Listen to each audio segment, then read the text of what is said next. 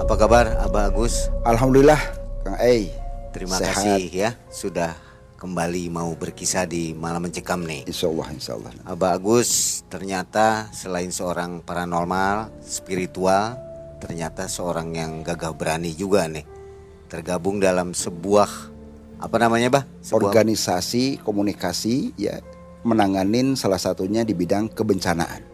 Basarnas, Bah ya. Eh kita ada bagiannya, ada bagian karena di sini ada Basarnas, ada BBBD. Nah kita ini adalah ya boleh dikatakan mitra lah, mitra, Mitra, dengan pihak Pak, ya? Basarnas maupun BBBD. Oke.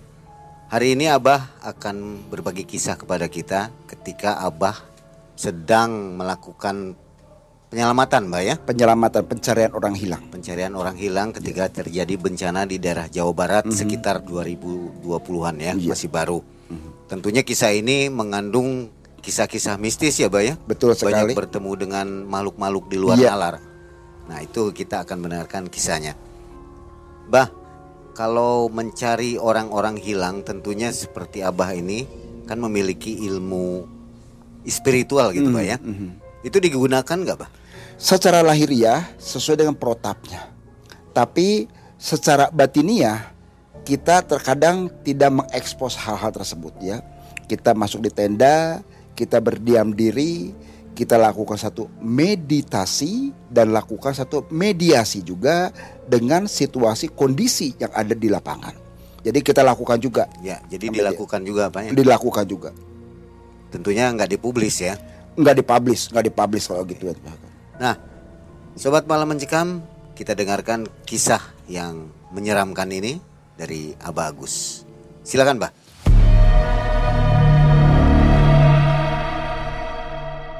Kasus kemarin di 2020-an ini ada orang hilang. Mohon maaf ini untuk wilayahnya Abah samarkan dan juga korban juga karena menyangkut masalah privasi Abah samarkan. Wilayahnya ini masih di wilayah kaitan Jawa Barat. Eh, mata pencaharian seorang pemuda tersebut dari mulai turunan, dari mulai abah buyutnya, eyang buyutnya, bapaknya ya, sampai keturunnya itu mencari kroto ya, ataupun katakanlah telur semut. Nah, kita dapat informasi dari pihak Basarnas, BPBD terjadi namanya orang hilang. Nah, laporan tersebut sumbernya dari mana? Awalnya itu dari pihak desa, dari kepala desa menyampaikan. Akhirnya kita pun ikut terjun di lapangan. Di saat hari pertama ya, dari pihak eh, keluarga karena berangkatnya itu si pemuda itu biasa kalau pencari itu dari mulai pagi kayaknya. Pagi hari jam 5 subuh jarak dari rumah ke lokasi atau ke hutan itu butuh waktu yang cukup lama kurang lebih sekitar 2 kilo. Jalannya juga terjal banget Pak Lum. Di daerah hutan, pegunungan segala macam jalan juga belum mulus. Kalau hujan waduh eh, tanah merah itu lengket semua. Sampai ban motor itu tidak bisa ya, bisa selip-selip.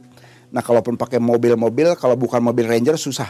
Nah, jadi si anak itu berangkat dari mulai jam 5 subuh, biasa pulang itu menjelang maghrib. Ya. Jam 5 itu sudah ada di rumah. Karena kalaupun terlalu malam, situasi lampu juga belum masuk ke sana, gelap gulita segala macam. Pada hari tersebut, itu kejadian berarti minggu ya. Di minggu pagi, kok si Dadan, mohon maaf ini kita samarkan, Dadan ini sendiri itu jam 5 kok belum balik kebetulan sudah punya istri anaknya satu dari istrinya was-was nunggu sampai pada Isa kok belum balik akhirnya istrinya itu inisiatif tanya ke temennya yang memang katakanlah barengan di saat mau mencari kroto tersebut. Kita samarkan juga dari istrinya Dadan ini nanya Min kok suami saya belum datang? Kenapa didetikan loh saya nggak ketemu kata Amin tuh ke istrinya tuh. Ya mungkin sebentar lagi juga datang. Ya udahlah nanti ditunggu ditunggu-tunggu dari jam 5 sore Bada Isa jam 9 sampai jam 10 malam belum datang-datang Akhirnya sekeluarga itu merasa resah, was-was cemas. Si istrinya langsung laporan ke pihak desa. Kebetulan rumah si korban dengan kepala desa tidak terlalu jauh. Istrinya nanyakan, Pak Kades, punten nung culung, ada apa? Ini suami saya, Dadan kok belum balik-balik. Waduh, ada apa ya cenah Ya doh tolong ditolong lah minta tolong. Ya sudah. Akhirnya kepala desa ya koordinasi dengan beberapa aparat desanya dibantu beberapa warga. Tempo hari itu kurang lebih sekitar ada 20 ya, berangkatlah ke hutan yang memang katakanlah ditunjukkan oleh temannya menyelusuri hutan yang waduh itu gelap gulita hanya berbakalkan senter suasana sudah mulai turun kabut. Berangkat dari jam 10 malam, jam 11, jam 12 malam, semakin malam semakin larut itu sendiri. Suasana semakin mencekam banget di situ tuh kan. Suara jangkrik, ya kodok kebetulan kan sudah hujan tadi tuh. Kodok segala macam tuh. Aduh itu tuh kan.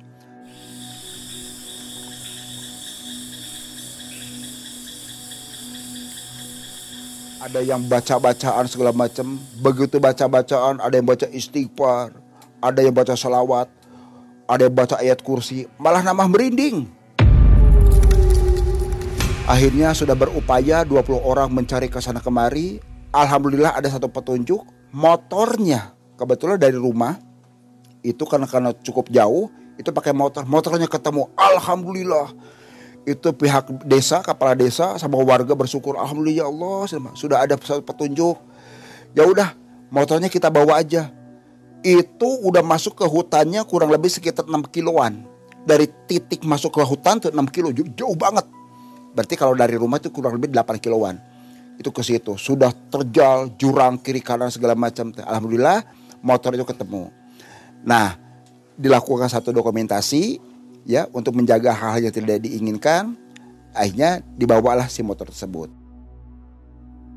Nah udah gitu udah begini aja dari pihak desa kepala desa yang memimpin atau pimpinan regu pada malam tersebut menyampaikan para sedulur semua terima kasih nih malam hari ini kita sudah sama-sama melakukan pencarian dadan alhamdulillah ini kita bersyukur motornya sudah dapat tapi tetap target kita adalah mencari dadan. Nah karena kita juga ini sudah jam sudah menunjukkan pukul 3 pagi, semua pada lelah, kita tetap harus menjaga keselamatan diri kita masing-masing. Ayo kita pada balik aja dulu sambil nanti kita kumpulan musyawarah untuk lakukan koordinasi dan laporan ke pihak Basarnas, BPBD, TNI dan kepolisian. Syukur-syukur nanti dibantu oleh rekan-rekan dari pihak relawan. Oh siap, Pak Kades aja pada pulang lah. Jam 3 pada balik, nyampe karena perjalanan juga cukup jauh, setengah lima menjelang adzan subuh, sudah pada selesai sholat, nah mereka pada istirahat, nah baru besok paginya, nah Pak Kades datang jam sembilanan karena sudah lelah itu kan, kumpul lah. Secara logika ya, usia 23 tahun, dari mulai abah buyutnya, orang tuanya, sedulur semuanya itu mencari Berarti kan secara logika wilayah atau hutan tersebut ini sudah ada di pikiran dia sendiri. Dalam artian nggak mungkin bakal kesasar secara logika. Tapi kok bisa terjadi? Nah ini akhirnya dari pihak kepala desa setelah rembukan dengan aparat yang ada di situ dengan warga dan juga pihak keluarga koordinasilah dengan pihak Basarnas, BPBD, TNI, Polri dan juga kami sebagai relawan dari Radio Antar Penduduk Indonesia wilayah 17 Kota Cirebon. Terjunlah ke balai desa tersebut ya. Jadi balai desa juga mohon izin kita samarkan saja. Cerita singkat ada kurang lebih sekitar 50 ya. Dari tim kita 50 dibantu oleh warga setempat ada 20 kurang lebih sekitar 70. Nah, tetap di bawah komando karena kalau terjadinya orang-orang hilang di darat, laut, ya, ataupun udara itu tetap di bawah kendali pihak Basarnas. Nah, kita dikumpulkan sesuai dengan protap segala macam diawali semuanya kita lakukan dulu briefing segala macam pengarahan ABCD-nya ya tetap kita mengutamakan adalah keselamatan diri kita. Sebelum turun ke lapangan semua perbekalan kita harus disiapkan. Dari mulai namanya handy talkie karena HP itu tidak ada sinyal. Karena terbatasnya daya pancar di wilayah situ gitu kan. Nah akhirnya sepakat dibikinlah kita ini kemarin uh, tiga regu ya tiga regu. Regu A itu ambilnya ke wilayah utara. Satu regu ini kemarin kita bikin ada sampai 15 personil nah regu B ini adalah ke wilayah barat regu C ke wilayah timur jadi utara barat dan timur untuk wilayah selatan tolong nanti dikoordinasi dengan pihak desa dan mohon izin dari pihak Basarnas ada yang memimpinnya juga, ada komandannya. Itu lakukan dengan pihak kepala desa. Tolong Pak Kades, kami minta warga di sini yang tahu persis teritori yang ada di wilayah sini. Oh siap. Akhirnya dibantulah beberapa uh, warga desa yang memang mengarahkan. Akhirnya kita jalan, ada yang bawa tank-tank termo segala macam baterai perlengkapan sama HT tidak lepas. Jalan ke dalam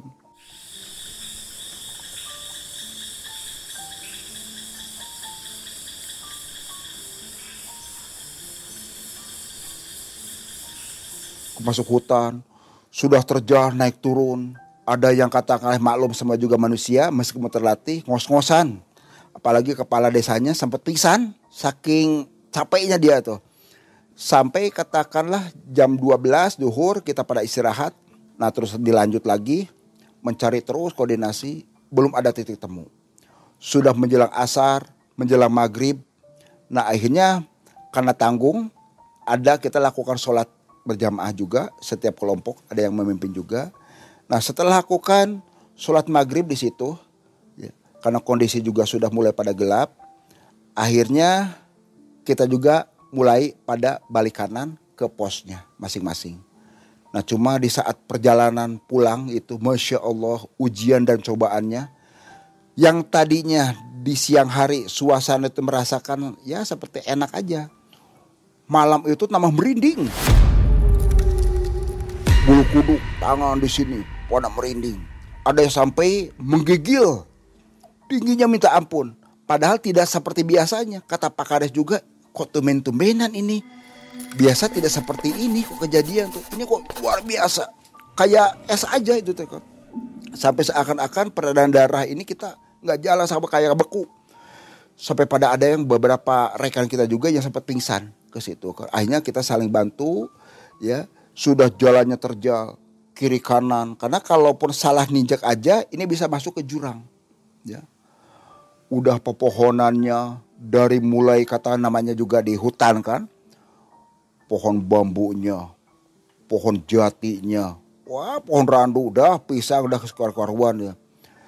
Ada cahaya sambil jalan teh.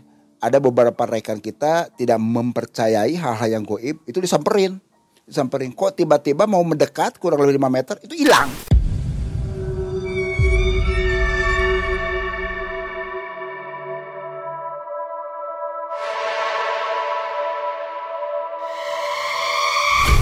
Si cahaya tersebut ya kan.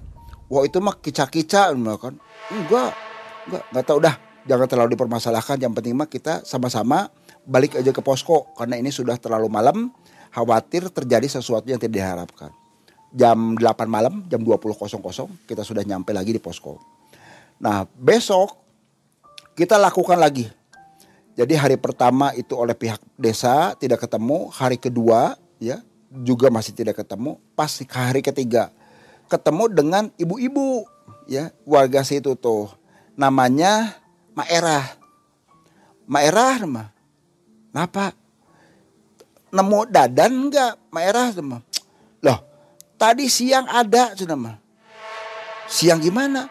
Iya tadi ketemu jeng saya. Ku saya tadi ditanya. Dan mereka mana maneh teh? Itu si Dadan tanah biasa menyapa segala macam. Dan anaknya seneng guyon. Itu diam aja. Terus ke mana? Masuk tuh ke hutan situ. Emang ada apa kok nih rame-rame gini? Yaitu Maeras sama.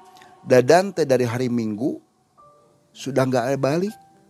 Ini Senin, Selasa ini udah mau ke hari Rabu. Di situ tuh. Loh, si bener sih aja guyonan. Ke orang tua tuh sampai ngomong gitu gak percaya. Si Mak Erahna kan. Asli mak, swear bahasa-bahasa anak muda segala macam teh kan. Terlontar. Ya sudahlah, mak doain mudah-mudahan Dadan itu sendiri cepat ketemu. Dah, pada ke mana? Ya sudah, ke dalam lagi, beralik lagi. Nah kita saling koordinasi karena yang lain juga sudah mulai pada kelelahan. Akhirnya perbekalan masing-masing itu dibuka, makan bersama. Ya, yaitu dari semua itu atas petunjuk Allah Subhanahu Wa Taala. Ya, Allah memberikan satu hidayah wabil khusus kepada saya. Mohon maaf, ya akhirnya saya sendiri melakukan satu ritual di situ. Ritualnya sangat simpel sekali. Sambil iseng saja, ada yang bawa rokok gudang garam merah enggak cuma. Kalau apa bagus? Enggak. Saya pengen ngerokok kata. Oh ini ada. Enggak usah satu bungkus, satu batang aja cukup. Oh udah cuma. Cing minta kopi cuma. Kopinya pakai gula, enggak usah pakai gula. Wah ini tumen-tumen bah cuma. Minta kopi pahit biasa kalau abah mah kalau ada karuhun bagi gini pada guyonan ada sebagian orang yang sudah tahu profesi saya ke situ akhirnya saya juga tidak terlalu banyak orang di situ ya untuk menjaga hal-hal yang tidak diinginkan ya. Hanya saya siapin rokok gudang garam merah saya bakar terusan kopi kopi hitam diginum akhirnya saya munajat kepada Allah subhanahu wa ta'ala. Di situ saya lakukan ngerekes kepada para karuhun, para sesepuh yang ada. Wabil khusus anu ngagegeh gunung atau bukit yang ada di sini.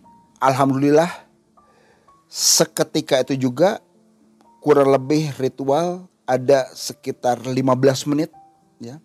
15 menit ini tangan saya itu bergerak seakan seperti radar.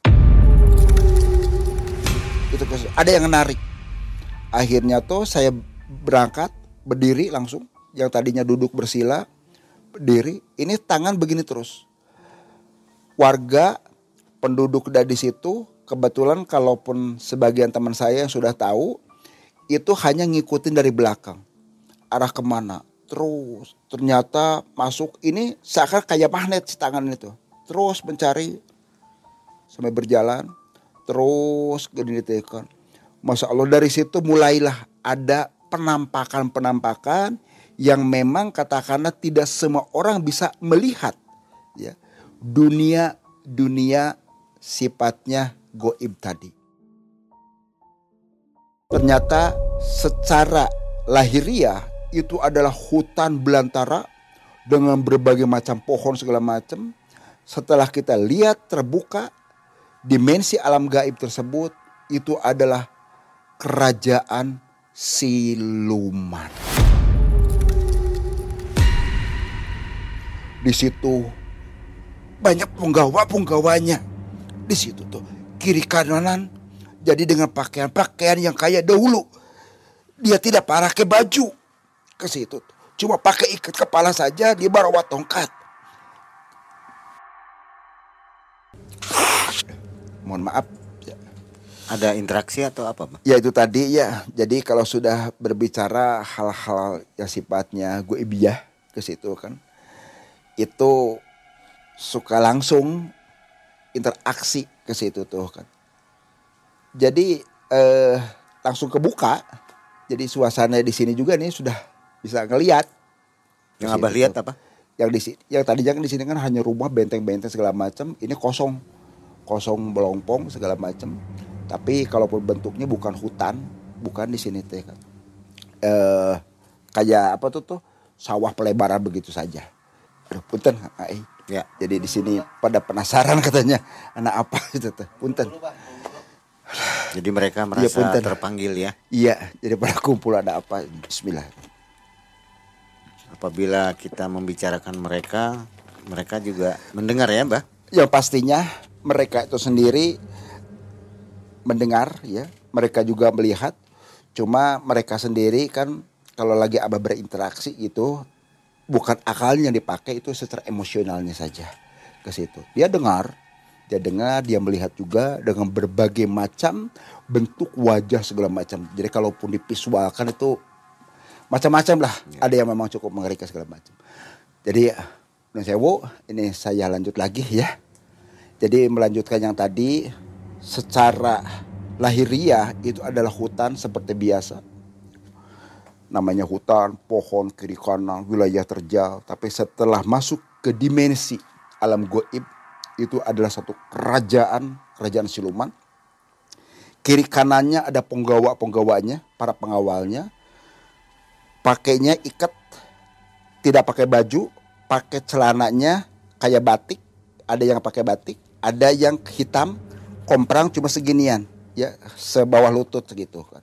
Nah di situ saya tidak terlepas izin dan dipersilahkan untuk masuk. Yang tadinya tongkatnya apa, eh, tombaknya pada ditutup begini semua, itu dibukakan, masuk ke situ, masuklah ke salah satu pintu bersama rekan-rekan yang lain. Rekan-rekan juga ikut masuk ke situ, cuma rekan-rekan tidak merasakan, ya hanya orang-orang tertentu yang bisa merasakan tersebut.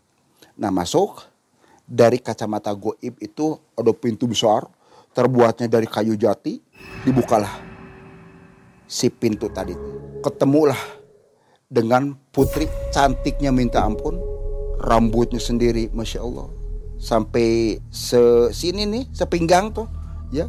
Usianya masih muda kalau secara visual ini usia sekitar 27 tahun masih ranum-ranumnya katakanlah ya. Nah, masuklah Abah ke salah satu singgah sana. Ke situ ngadep yang tadinya rajaannya itu gede gini, ya. Mahkota di sini warnanya kuning keemasan. Di sini juga luar biasa, ada pedangnya di sini bercahaya. Dia nanya, "Ada apa gerangan ke sini?" Mohon maaf Paduka, saya izinkan Abah Agus Putu Sosro Projo, ya, mohon izin saya mau mencari namanya Dadan yang konon katanya ada di wilayah sini. Jangan begitu, ya. Kamu masuk-masuk kok berani-beraninya. Maaf Paduka, saya tidak ada untuk katakanlah kita perang tidak ada di sini, tapi mohon sekali lagi Dadan bisa ditunjukkan tempatnya. Ada. Nggak usah takut. Nggak usah kamu bikin owner keramaian di sini. Kalau enggak nyawa kamu saya ambil. Mohon izin Paduka, tolong ini kasihan rekan-rekan kami pada nunggu keluarganya juga ini. Ya sudah kalau bukan begituan mah, ya. Kalau masuk ke sini jangan lupa kasih tahu ke warga di sini setahun sekali harus ada namanya susuguh. Susuguh yang bagaimana? Mintanya apa? Yaitu tadi ada tumbal. Tumbalnya sebetulnya yaitu tadi mintanya kepala kerbau. Dibawa di situ, kerbau sendiri yang kerbau gede, bukan kerbau bule, kerbau biasa. Cuma ini lupa mungkin dari pihak kepala desa tersebut dan warga tersebut tidak ada yang salah mengingatkan mungkin saking sibuknya kekerjaannya akhirnya lah ada salah satu korban. Nah si siluman tadi nyampaikan jangan sampai lupa karena ini adalah sudah ada perjanjian dari para nenek moyang karuhnya dari dulu. Sudah turun temurun termasuk anak putu yang ada di sini. Kalaupun tidak dilakukan jangan pernah salahkan saya sebagai penghuni yang menguasai wilayah di sini. Itu bahasa silumannya seperti itu. Ya akhirnya ya seperti itu. Ya sudah insya Allah kata saya nanti saya hanya sebatas menyampaikan. Sekarang mohon izin posisi dadan di mana? Akhirnya ditunjukkan. Ternyata secara dimensi gaib karena kita ada masih di dunia gaib tadi ternyata dadan itu sudah dikurung. Ini sudah diikat segala macam sudah tergeletak begini. Ini gimana? Karena kalian pada telat ke sini. Ini nyawanya saya ambil sebagai tumbal yang ada di sini. Kalaupun misalkan nanti tidak melakukan hal-hal apa yang pernah kita lakukan, perjanjian dari mulai nenek moyang sampeyan seluruhnya, setiap tahun saya akan diganti dengan manusia-manusia yang katakanlah yang datang ke sini. Tolong sampaikan. Bisa nggak dihidupkan lagi? Saya juga terbatas. Saya tetap harus ambil nyawanya dan itu sudah kondisi meninggal. Setelah lakukan ke situ, ya akhirnya saya kembali ke hal sifatnya normal lagi. Itu ketemunya si korban itu memang sudah keadaan tidak bernyawa. Ya. Dia kondisi tertelungkup. Nah terusan juga di sini ada golok di sebelah kanan karena namanya juga mencari kroto telur semut itu bawa gantar mau dia makan buat penjolok nanti sama tempatnya itu ada di situ. Nah tadi wilayah tersebut atau area atau titik temu itu sudah kita lewatin tidak ada aroma bau segala macam. Karena kalaupun misalkan nemuin mayat jarak kurang lebih sekitar 500 meter aja itu sudah biasa aromanya tercium apalagi di hutan angin sana sini tapi itu tidak ada tapi setelah tadi kita masuk ke alam dimensi gaib tadi itu seketika. Mulai bau segala macam di situ akhirnya kita mendekat karena kita juga di lapangan selalu menyiapkan masker kita pakai masker segala macam sepakat oh ini korban. Langsung koordinasi melalui radio handy talkie seperti ini. Koordinasi kita minta karung jenazah nah udah kayak gitu kita sama-sama jangan di ini dulu jangan disentuh dulu akhirnya begitu sudah pada datang dokumentasi mau diangkat ada kawan saya kesurupan. Wah, ngamuk di situ. Kotawa-kotawa ngamuk kamu pada waduh. Masya Allah kata saya tanya ya. Bagus, bagus. Ada apa? Ini tolong. Aduh. Udah gitu, akhirnya berinteraksi lagi lagi. Ternyata yang sosok siluman tadi yang rajanya nyurup. Jadi siluman itu memang nggak ada kepalanya, cuma tubuh aja ke situ. Pantesan yang kesurupan itu kepalanya itu miring-miring, gesek-gesek gini. Gesek-gesek gini, ketahuan gesek-gesek ke situ. Akhirnya disampaikan, inilah sosok saya yang sebenarnya. Itu ke situ. Saya memang sudah tidak ada kepala. Tolong sekali lagi silahkan dibawa ya korban kalian angkut jangan lupa kepala kerbau. Kalau tidak dipenuhin, jangan pernah salahkan saya di sini. Itu kata Raja Siluman. Akhirnya Abah inisiatif kasih air, rekan tadi yang kesurupan itu langsung sadar seperti biasa. Setelah dilakukan dokumentasi untuk eksekusi mayat, untuk masuk ke plastik yang sudah kita siapkan, kita sama-sama dokumentasi dan dokumentasi itu tidak boleh diekspos karena itu menyangkut masalah privasi seorang. Itu nurunkan dari mulai titik ketemu sampai ke apa itu tuh ke lokasi ke rumahnya itu kan cukup jauh. Jalan terjal. Sudah aromanya menyengat ya. Itu tetap Abah melihat dengan mata kepala sendiri begitu aroma dari si mayat tadi kita bopong kiri kanan tuh ada yang sampai lidahnya meler gini ada yang sampai ngeces ya. pingin mencicipin aroma mayat tersebut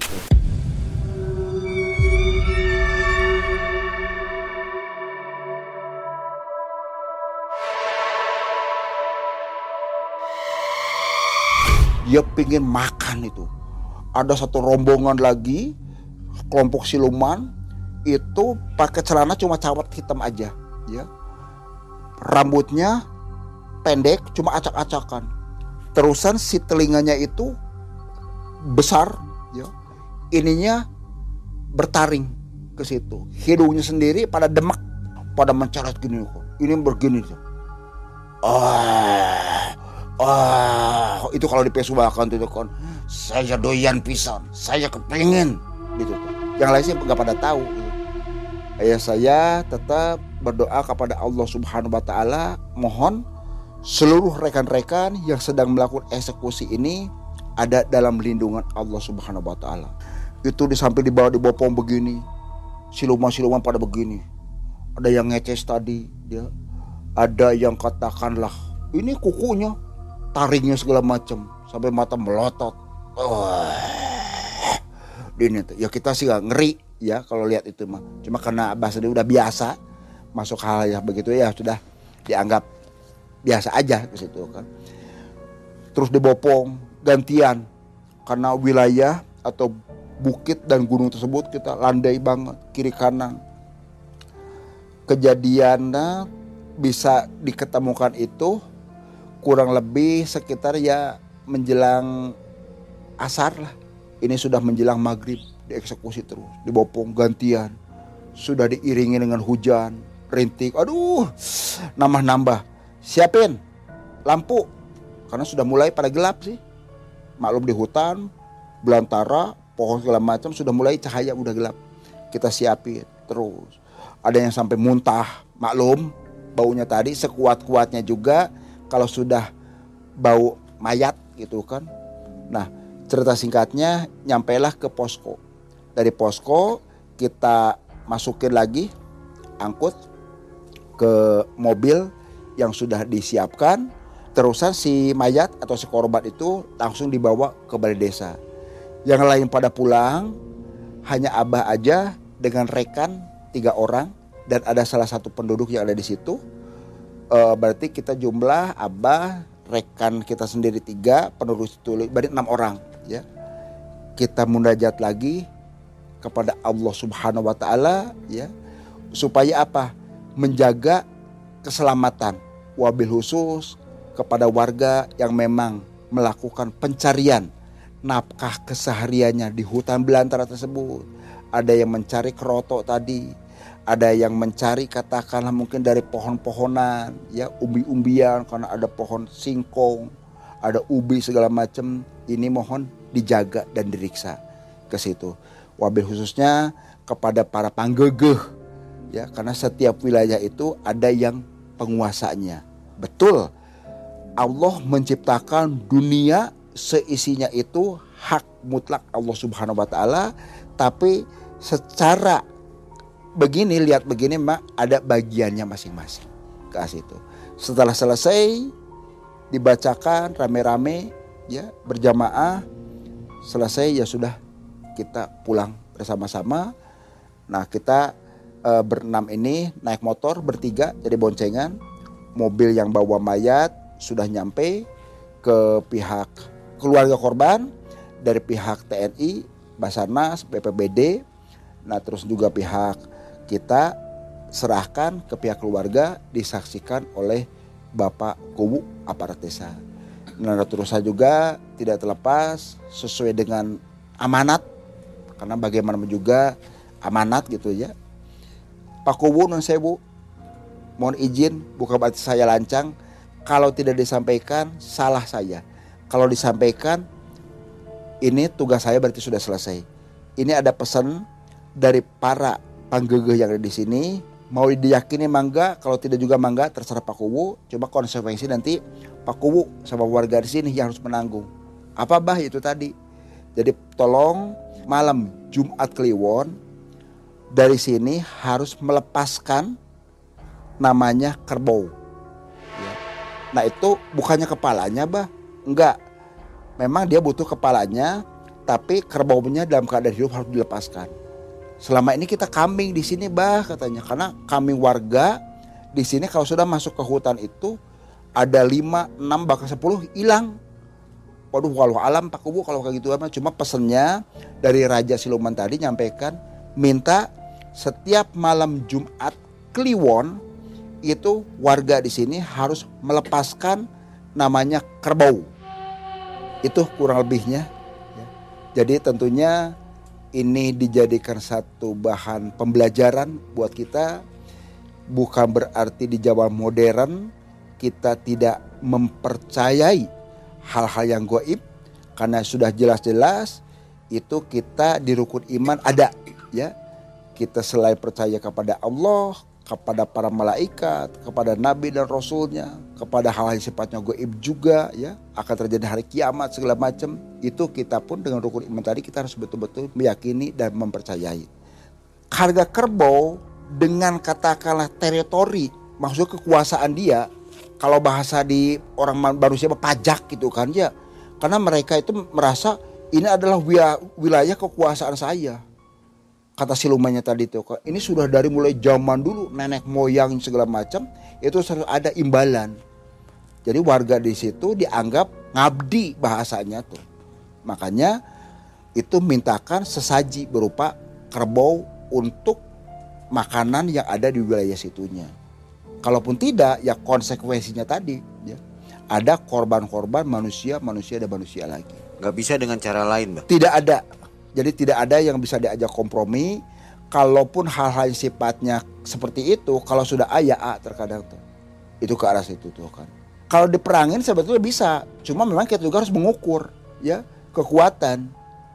Kekuatan bisa saja mau membumi hanguskan, meratakan segala macam bisa saja. Cuma kembali ya. Mungkin untuk kita pribadi insya Allah saya ada tuntunan ya saya ada gurunya segala macam, insya Allah bisa bantu ke situ tuh. Cuma kan tidak terlepas untuk yang lainnya. Karena kalaupun untuk memutus hal-hal tersebut, karena ini nyangkut paut dari zaman dulunya, ini sudah menjadikan satu faktor kebiasaan. Ini diputus susah, susah banget. Kerajaannya itu seperti apa, bang? Kerajaan untuk pesugihan atau apa, bang? Jadi begini, kerajaan tersebut, waduh, istimewa banget jadi semacam kayak candi kayak begituan ya. di situ ternyata untuk pesugihan sangat bisa sekali cuma konsekuensinya harus nyawa bagiannya. Entah pribadinya entah bisa ke anak putunya segala macam. Kalau memang itu tidak diputus untuk apa eh, perjanjian pesugihannya. Sobat malam mencekam itu salah satu kisah yang mencekam dari Abah Agus ya. Mungkin masih banyak kisah-kisah lain masih yang mencekam. Masih banyak insya Allah. Kalau ingin mendengarkan kisah Abah yang lainnya silahkan komentar di bawah. Nanti kita lihat seperti apa komentar Anda. Apakah Abah harus berkisah lagi ya Pak ya? Insya Allah, insya Allah. Nah Sobat MM, kita ambil hikmah dari kisah ini. Mudah-mudahan kita semua terhindar dari masalah yang tidak kita betul, inginkan. Betul tingkatkan keimanan dan ketakwaan kita kepada kepada Allah Subhanahu, Allah Subhanahu wa taala. Akhirnya Mang Ei dan tim undur diri. Terima kasih ya bagus. Sama-sama. Assalamualaikum warahmatullahi wabarakatuh. Waalaikumsalam warahmatullahi wabarakatuh.